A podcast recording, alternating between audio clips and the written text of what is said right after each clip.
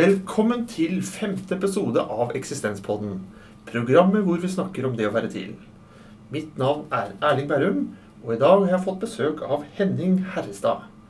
Du har blitt anbefalt av min kollega Ida Gram. Og Først vil jeg begynne med å takke for at du ville komme.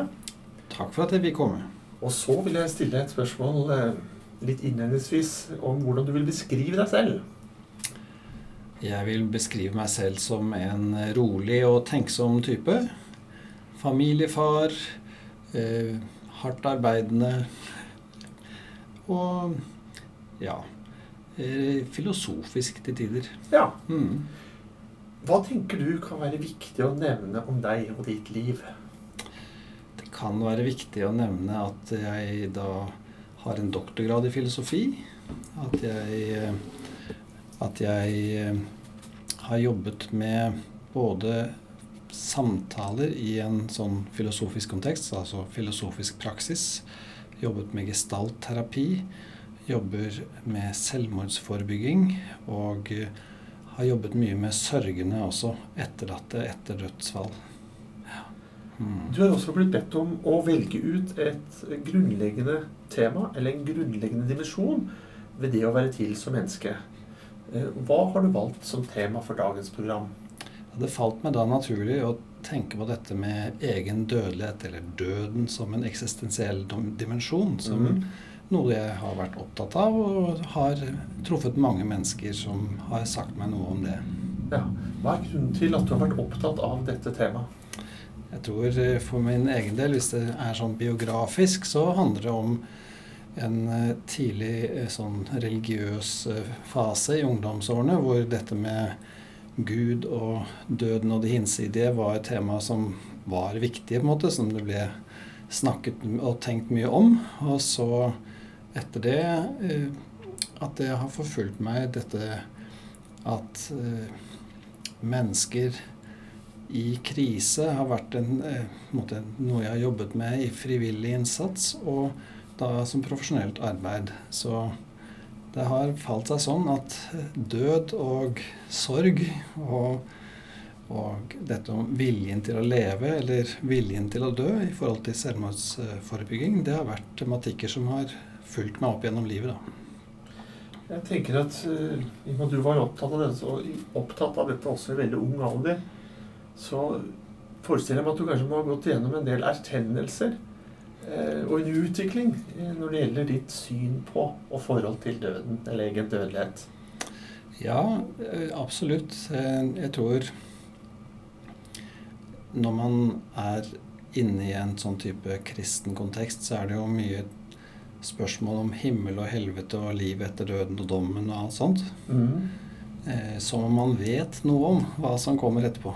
Mm. Selv om det jo er også forkynnere som tar forbehold, så vet de liksom noe om dette. Eh, Men i den prosessen som jeg har gått gjennom, så har jeg innsett at folk flest de er veldig mye mer opptatt av det som er her og nå. Og at det som ligger etter døden, det vet vi faktisk ingenting om. Og kan kanskje ikke engang forstå noe om hva som er utenfor dette livet. At vi rett og slett er begrenset i vår evne til å tenke og forstå det som ligger utenfor. Ja, jeg har også tenkt i, i samme baner. Og en begrunnelse for det resonnementet som du, du ga der, fra mitt ståsted, har handlet om at eh, det er mest sannsynlig umulig eh, som værende å få en erkjennelse av det ikke-værende. Ja. Du må egentlig være død for å kunne erkjenne døden. Noen, Ja. ja, For å sette litt på spisen. Ikke sant? Så enten det da betyr en radikal forskjellig eksistens på en eller annen måte, da, evig liv f.eks., så, Mm. så er det helt umulig å tenke seg. Fordi vi bare kan tenke ut ifra vår eksistens som er i tiden, og hvor evighet eh, er umulig å forholde seg til. Eh, Sånn at den derre erkjennelsen av at dette kan vi som mennesker faktisk ikke forstå. Og når jeg da også tenker om min dødelighet, så blir det jo noe begrenset i det. Fordi at eh, jeg kan ikke på en måte fullt ut erkjenne hva døden betyr. Nei. Hva tenker du om ulike fortolkninger og spekulasjoner om hva døden representerer eller kan være? Ja, Det ene er at det er veldig interessant å, å lese om og holde på med. Det andre er at det nettopp blir en form for spekulasjoner. Da. Det er på en måte noe man kan gjøre når man har ledig tid og er frisk og sterk og eh, på en måte har rom for den slags. Men det har også slått meg at når man virkelig nærmer seg døden f.eks., så er det kanskje ikke noe overskudd til det. Til å prøve å finne ut av det. Så hvis man da eh, tenker at det er viktig å tenke over hva som kommer etter døden f.eks., så er det sikkert lurt å gjøre det mens man har overskudd til det. Hvor lenge har man det overskuddet, tenker du? Jeg tror man har det når man er rimelig frisk og eh, ikke er så gammel at man har fått svekket sine kognitive evner, f.eks. Ja. Så ja, man har det jo store deler av livet, da. Men det er ofte der vi tenker at det er da folk begynner å tenke på det, når de f.eks. nærmer seg døden. Nei, jeg tror ikke det. Det er ikke da de begynner å tenke på det. Jeg har observert um, Eller jeg mener å observere i hvert fall at eldre mennesker også har en tendens til å ville definere seg i en større sammenheng. Ja. Eh, gjerne Det kan være historisk. Ja. Det kan være biologisk eller natur, ut ifra man tilhører naturen. Mm. Eh, det kan også være religiøst, som vi snakker om. Mm. Eh, eller også genetisk. Ja. Eh, hva tenker du om dette behovet, gitt at det behovet er til stede, som noen har om å ville på en måte definere seg i en større sammenheng med livets slutt? Ja, da vil jeg eh, anbefale en bok. Eh, Anders Johansen, boken 'Etter oss', hvor han prøver å måtte, Det er nærmest som et essay, et tankeforsøk. Å komme til rette med hva døden betyr for folk som ikke tror på noe liv etter døden. Og i den boken så den er, den er på en måte også vinklet veldig personlig det at han hadde en fetter som fikk ALS. Og så er det Han har nok skrevet boken i ettertid, men det var tenkt først som en slags eh, dialog med denne fetteren om, om, hva Og han trekker inn deler av den dialogen med den fetteren da, om hva døden betyr. Og han har ikke noe religiøst ståsted heller, selv heller. Og det, en av de tingene han påpeker da, er at i vår tid, hvor vi snakker om at hvert individ er en unikt individ, en hel verden, så forsvinner jo hele denne verden med det individet. Altså det er akkurat som du Det er en katastrofe å dø. Ikke bare er du borte, men alt du representerer, er borte. Og i den eh, katastrofen, da, så, så jakter han på noe som måtte, kan bære her i livet. Og det han da finner, er at uh, fetteren, f.eks., han fant veldig trøst i det at ja, men han var tross alt del av naturen. Og naturen var noe større enn han. Så det at hans molekyler og atomer måtte gå inn i kretsløpet i naturen, da. For han var det en form for udødelighet. Selv om ikke det er en personlig identitet som forblir. Og jeg tror at uh, nettopp det er en sånn type mildning av denne katastrofen at alt forsvinner. At man tenker at noe er igjen, eller noe fortsetter. Og det noe, det, for mange er det slekten. For mange er det eh, kanskje denne kulturen vi lever i, har jeg tenkt. Altså at vi F.eks. at jeg har satt noen spor etter meg. Jeg har bidratt i samfunnet. Eh, at vi på en måte tenker at det er noe som er større enn meg, som fortsetter å eksistere. Hva med, hva med barn og liksom at du etterlater deg noe genetisk materiale? Ja, og det, det, oppleves kanskje som en form for udødelighet. Liksom min slekt går videre. Men du vet, i praksis For det ene er at vi ikke lever i et slektssamfunn sånn som i gamle dager, da, hvor slekten på en måte var en slags hellig størrelse. Eh, for oss er det bare et nettverk av mennesker som møtes og skilles og møtes og sånn. Og i det så er det også noe med at mitt genetiske spor blir jo temmelig fort utvannet. da. Så som udødelighetsstrategi så holder det kanskje ikke på veldig lang sikt. Men for de neste generasjonene, to-tre generasjoner, så er de jo på en måte sterkt preget av dine gener, og de husker deg. Mm. Så man, man, har en slags uh, midlertidig uh, udødelighet der, i hvert fall. Hva, hva tenker du også om de som eh, spekulerer og filosoferer litt knyttet til eh, den livsenergien som bærer i oss, Mm. og som knytter det da til eh, også vitenskapsloven om at energi kan ikke få gå, bare gå over i andre former. Mm. At eh, den energien som da er en bærer av livet, men som også vil da eh, gå videre, kanskje over i varmeenergi eller hva som skjer eh, etter ens død. Hva tenker du om det som en mulig inngang til evig liv? Altså, på den ene siden, så når, når vi snakker om energier og krefter, da Så de energiene og kreftene vi kjenner til, det er jo nettopp varme, gravitasjon, altså naturkreftene. Og de er der, ja, ikke sant. Hvis det er de som er guddommelige, så å si, så ok, det er fint. Det er noen ting som er utenfor meg og større enn meg. Men de er utrolig upersoner, da. De fleste vil neppe tilby tyngdekraften som en guddommelig instans, eller syns det er på en måte en del av det store kretsløpet, det at atomene jeg er i, faktisk blir påvirket av tyngdekraften i videre. Så, men du skal aldri se bort fra det. Annen ting er det at eh, når du snakker energi, så er det tror jeg mange som tenker energi mer som f.eks. Eh, ja, litt mer sånn type åndelig, da, i form av f.eks. en livsenergi. Noe som eh, gjør at livet bryter frem og organiserer seg på en måte at det er noe som er forskjellig fra termodynamikkens annen lov om at alt går fra høyere organisering til lavere. Da. Og i sånn sett så Da er vi jo allerede over i en type åndelighet. For det, det vet vi ikke noe om, at det fins noe slags eh, livsprinsipp som, som holder ting levende, eller som former naturen, eller noe sånt. Det, hvis det er slik vi vet fra fysikken, så er det slik at eh, denne jorden er ikke evig. Ikke den kommer til å gå i oppløsning. Solen kommer til å sluke den til slutt. Solen slukner. Universet slik vi kjenner det, går mot en slags oppløsning hvor det til slutt bare er en slags atomsuppe som er, svever rundt der i all evighet. Og sånn sett så er det ingen trøst annet enn midlertidig. Det er heller at naturen fortsetter etter meg. Altså det er, når vi har sånne evighetsperspektiver, da er det veldig lite som uh, varer. Ja. Mm.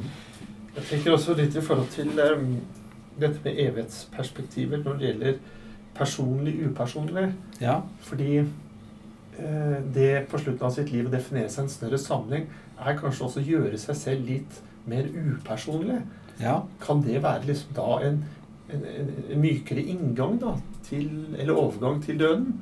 Er at man da gjør seg selv mer upersonlig? Jeg tenker at vi har eh, en opplevelse av identitet. Og aller helst så vil vi jo at den identiteten skal fortsette. Da, sånn at igjen er det så stas å bli gjenfødt hvis ikke jeg husker hvem jeg var. Altså, da er det jo ikke jeg som blir gjenfødt. Det er jo bare, bare at min energi blir fortsetter videre i noe nytt som starter helt på nytt igjen. Eh, så jeg tror mange når de tenker på gjenfødelse eller reinkarnasjon, så tenker de på en måte at de selv skal bli gjenfødt som et nytt menneske, få en ny sjanse, nye muligheter. Og at de på en eller annen måte kanskje til og med kan da huske tilbake til tidligere liv og connecte den identiteten de er nå. Da. For ellers så er det noe med Ja, det upersonlige, det er jo nettopp det denne fetteren til Anders Johansen eh, tenkte, at selv det upersonlige er også en trøst. Men det er klart den ultimate trøsten er hvis jeg får fortsette. Og jeg tenker noe av det samme i forhold til eh, Gud. ikke sant? Vi, det er fint å snakke om en upersonlig Gud, men jeg mener tyngdekraften er upersonlig. Og det er ikke så veldig på en måte, fortrøstningsfullt det at vi har tyngdekraften å støtte oss til. Eller kjempe mot. Så jeg tror at de fleste ønsker seg en slags personlig Gud som er et personlig motsvar til den de opplever seg selv å være. Da. Og da er jeg tilbake til noe med min eh, opplevelse av vår begrensede erkjennelse. Den individuelle guden skal ligne ganske mye på meg før jeg klarer å forholde meg til vedkommende. Så da, da, du, du, du, fører oss over et uh, nytt spørsmål som er, mm. kanskje, sier kanskje det eldste filosofiske spørsmålet. Og det er 'Hvem er jeg?' Ja. Fordi når du snakker nå, så vil den refleksjonen da, i Mm. forhold til eh, død og, og sånne ting påvirkes av din definisjon av hvem du er. Ja. Hvis du da er liksom ditt ego, for å si det sånn, Mm. så er du kanskje mer sårbar enn hvis du er en del av en større eh, åndelighet, f.eks. Som noen kanskje tillater seg å, å tenke i retning av. Ja, så I buddhismen for eksempel, så er det jo en erkjennelse at man ikke er et jeg. da. Man er på en måte ett med naturen, at man er i en prosess i stadig forandring. At det ikke er et jeg som er der, og derfor heller ikke noe jeg som kan eh, bli gjenfødt som et nytt jeg. da. Samtidig er det jo en tro på reinkarnasjon. Og får jeg lov å spore av fra det du sier, inn på en annen tema som jeg syns er interessant, er det at i i Norge i dag så er reinkarnasjon noe fortrøstningsfullt. En positiv mulighet til en ny sjanse. Blanke ark og fargestifter til. Mens i buddhisme så er det jo en forbannelse. Det er jo målet å fri seg fra denne reinkarnasjonen. Fordi grunnerkjennelsen er at livet er lidelsesfylt. Det er en ny porsjon lidelse og blir gjenfødt. Så hele målet med buddhisme er å utslukke denne gjenfødelsen. Og det, Sånn har det vært i hinduisme også. Man kan tenke seg kanskje at det gjenspeilt noen livserfaringer Mm. den gangen. da. At livet er først og fremst lidelsesfylt, og ikke fullt av muligheter og måte, gode opplevelser. Og i det så er det spørsmål når var det det forandret seg til å bli noe positivt. Og det kan man spore ganske godt til eh, Madame Blavatsky, teosofien, som altså hentet denne hinduistiske reinkarnasjonstanken inn i en britisk fremtidsoptimisme. Og så plantet den tilbake igjen i India, slik at nå er det veldig mange i India som har omfortolket reinkarnasjon til noe positivt. Hvis du skal beskrive den retningen litt nærmere, hvordan vil du beskrive den da? Teosofien Ja. Ja, jeg vet ikke veldig mange ting om teosofien, men det var jo en måte å hente hinduistisk tankegang til Vesten på. Men da, ikke sant, de levde midt oppi en veldig utviklingsoptimistisk tid. Hvor de så det som at det var en kulturell utvikling hvor Storbritannia selvfølgelig var toppen av kranskaken. Og de inndelte altså hele kulturen den gangen inndelte liksom i grader og stadier av utvikling. Og da var det veldig naturlig for dem å tenke, som da antroposofene overtok også, at også åndelig sett så er det en sånn utvikling. Og når jeg blir gjenfødt, så er det ikke fordi jeg er forbannet til å leve en gang til og oppleve mer lidelse, men det er en mulighet til å utvikle meg åndelig til et nytt stadium og stadig komme lenger mot en slags sann realisering av alle mine potensialer. Men så er det jo slik eh, med målene om å liksom nå nirvana, først er buddhismen, da. Og så, hvis man oppnår det nivået, så er det da likevel noen som da velger å komme tilbake. Eh, Bodhisattva eller noe sånt. Bodhisattva, ja. Ja. Ja, det, det ligger jo i Det er jo så dypt moralsk budskap i buddhismen, da. At man ikke måte, bare er alene, men er forbundet med alt annet levende. Og at den, en bodhisattva er på en måte en som da klarer å bryte denne kjeden av gjenfødelse, men som så velger å også være til stede for å hjelpe resten av skapningen å kunne komme videre i å bryte lenkene. da. Hva tenker du personlig om disse tankene? Jeg tenker for det første at det er interessant at for Buddha og for veldig mange i den asiatiske kulturen, så var det noe selvsagt at denne kjeden av gjenfølelser fant sted. Eh, Det var, det var som om det, vårt, det, det selvsagte for oss er på en måte at det er dette ene livet, og så er det slutt. Hvis ikke man har en religiøs tro i Norge i dag, så er det sånn tilfeldigvis så oppstår vi, og så har vi disse årene her på jorden, og så er vi borte. Og da er det ikke noe mer. For mange er det selvsagt i dag. Mens det altså eh, var selvsagt den gangen at nei, sånn er ikke livet. Livet fortsetter og fortsetter. Og jeg har tenkt eh, Jeg vet ikke hvor de hadde det fra, men eh, det er eh, interessant også i, mye av den kristne mystikken i dette som er mye eldre enn kristendommen. Altså Man snakker om at man legger korn i jorden, så dør det, for så å gjenoppstå. Altså dette med høst og så vår, så spirer det på nytt. Jeg tror på en måte det var en slags eh, oppfatning, fast oppfatning det, at det du la ned i jorden, poteter eller korn eller hva det var, det døde. Nå la de ikke ned poteter før etter at det kom poteter fra Syd-Amerika. da. Men ikke sant? Det du plantet i jorden, det døde, og så sto det noe nytt opp. Så når mennesker dør, legges ned i jorden, ja, da står det noe nytt opp. Men om vi ikke da kunne se de menneskene neste vår, så var det kanskje fordi de sto opp et annet sted da, enn her. At det har vært en helt sånn men menneskelig erfaring. Sånn er det. Alt det du putter ned i jorden, det står opp igjen et sted. Ja.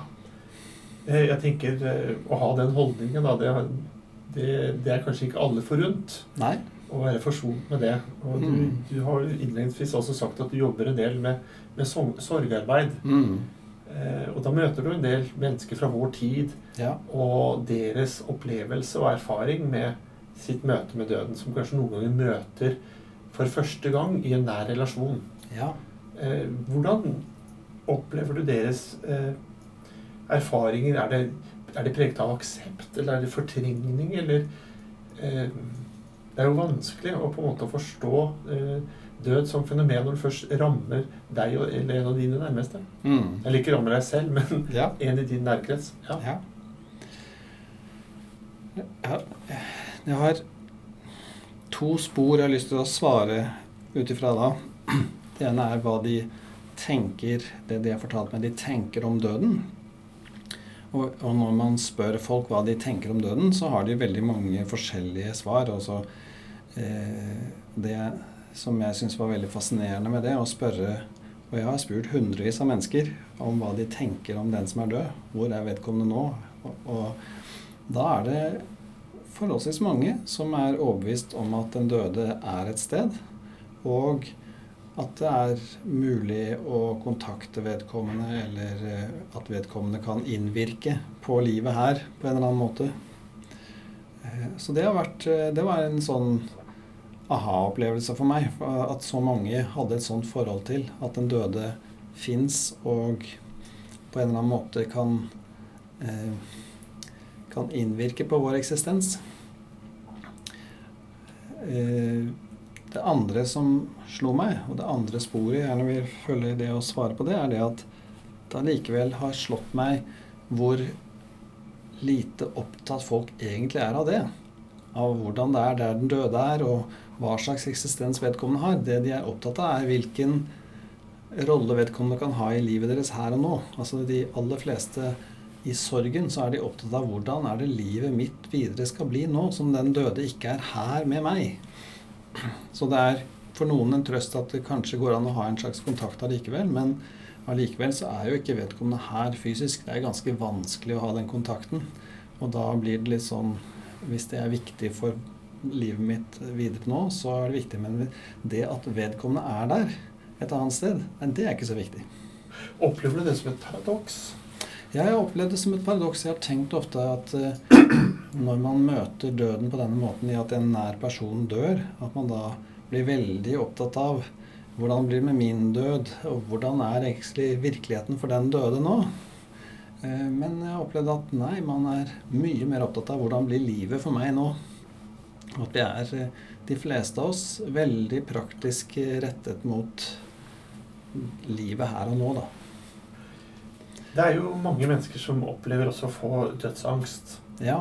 Eh, hvor tanken på egen død eh, rammer brått og voldsomt. Mm. Eh, og som på en måte sliter med å da kanskje plassere mm. Eh, død som eh, fenomen. Ja. Eh, hva vil du si til dem? Ja, Det ene er jo på en måte å prøve å, å bli klar over hva slags tanker som ligger bak den angsten. Altså hva hvis man lytter til angsten, så, si, da, så tror jeg ofte at eh, angst, angst, er litt uhåndterlig, for det er så overveldende og sterkt. Men bak veldig mange følelser så ligger det noen tanker og noen antagelser. Og de tankene, de kan være f.eks. at jeg er så redd for alle de smertene jeg skal møte før jeg dør. Og det, det, kan, det, er veldig mange opptatt av. Altså, de er ikke opptatt av hva som møter dem etter døden, men de er opptatt av eh, hvor fælt det blir å dø, for å si det sånn. Hvor fæl dødsprosessen blir. Og det kan man eh, kanskje forsone seg noe med. Altså, det er noen som har det helt forferdelige dødsprosessen, men det er forholdsvis mange som ikke har det. Jeg tenker sånn eh, for egen del Mm. Så jeg har ikke tenkt på liksom, smerte ved døden. Nei. Jeg har klart å tenke at det vil ikke være så aktuelt for meg. Sånn. Mm. Eh, men, men likevel så har jeg vært plaget eh, av tanke på døden med tanke på at jeg skal opphøre. Ja. Det syns jeg er en vanskelig tanke Mm. eh, å forholde meg til. Ja. Eh, men jeg fikk litt trøst og hjelp for mange mange år siden når jeg leste noe av eh, Samuel Beckett. Mm. Eh, hvor han skrev at eh, der, her står jeg og ser ned i avgrunnen. Ja. For du kan jo si på den store vettigheten som du viste til innledningsvis, og, Mm.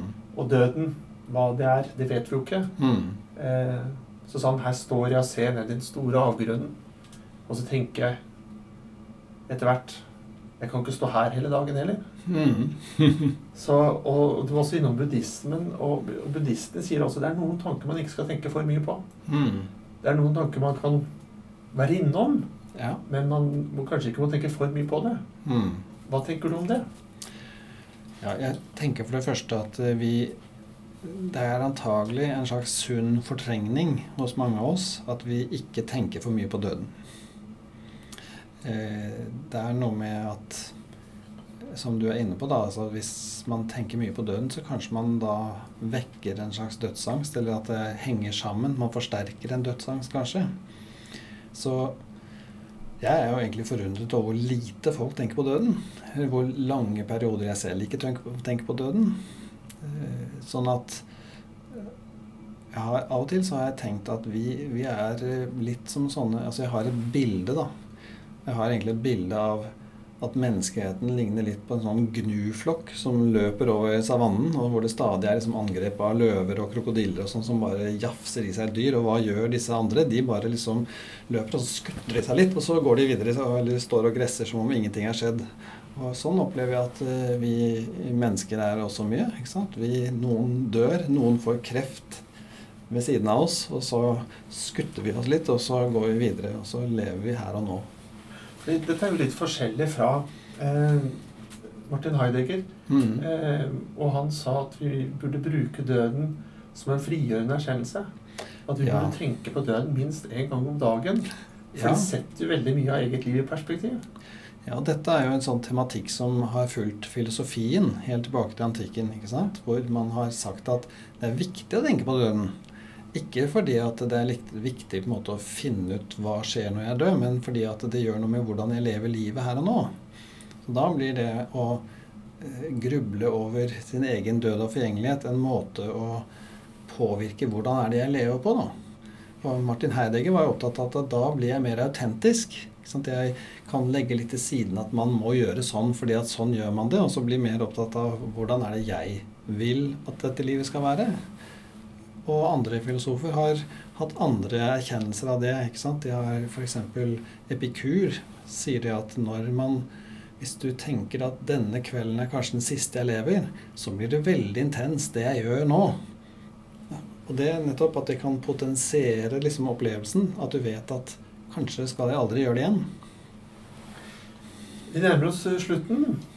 Sånn eh, avslutningsvis eh, Hvis du skulle da gi noen, dele noen tanker eller tips om mennesker som eh, tenker litt på døden, Mm. og som kanskje tenker at jeg burde tenke litt mer på døden, Mm. har du noen tanker råd om måter de kan tenke om døden på som kan være fruktbar? Jeg tenker da at døden er der. Den er et faktum. Vi kommer ikke utenom den. Og så er det kanskje en naturlig eh, måte å håndtere det på, og prøve å bare skyve det faktumet unna. Skyve det vekk. Tenke at det trenger jeg ikke forholde meg til før jeg møter det selv. Før det rammer meg, den kreften, eller hva det er for noe. ikke sant? Men kanskje er det sånn at det allikevel har mange positive sider. Og tenke på det, tenke på døden som en slags kraft som faktisk virker inn i livet mitt. Som kan gjøre livet mitt rikere. Som kan gjøre meg mindre redd for å dumme meg ut, f.eks. Som kan sette ting i perspektiv. Opp mot det så er det mange ting som blir bagateller. Hvordan er det jeg bruker tiden min? ting kan ikke bare fortsette i all evighet. Jeg kan ikke alltid utsette ting. Kanskje det er best å gripe livet nå i dag, fordi døden står der og minner meg om at det er en slags vegg, eller det er noe som stopper. Og hvis jeg tar det innover meg, så kan livet bli rikere. Og så var du inne på ja, men hva med angsten? Ja, da er det å erkjenne hva er den frykten, da. Hvilke antagelser er det jeg har? Er det grunn til å ha de antakelsene, eller kan det hende at de antakelsene er på en måte noen antakelser jeg har gjort meg uten helt å reflektere over dem? Men kanskje går det an å bearbeide den angsten og få noe mer positivt ut av døden. Mener du Woody Allen kanskje gjør et forsøk på å bearbeide den angsten når han sier at eh, Jeg vet ikke om det er han, da, men det er, han sier det i hvert fall også.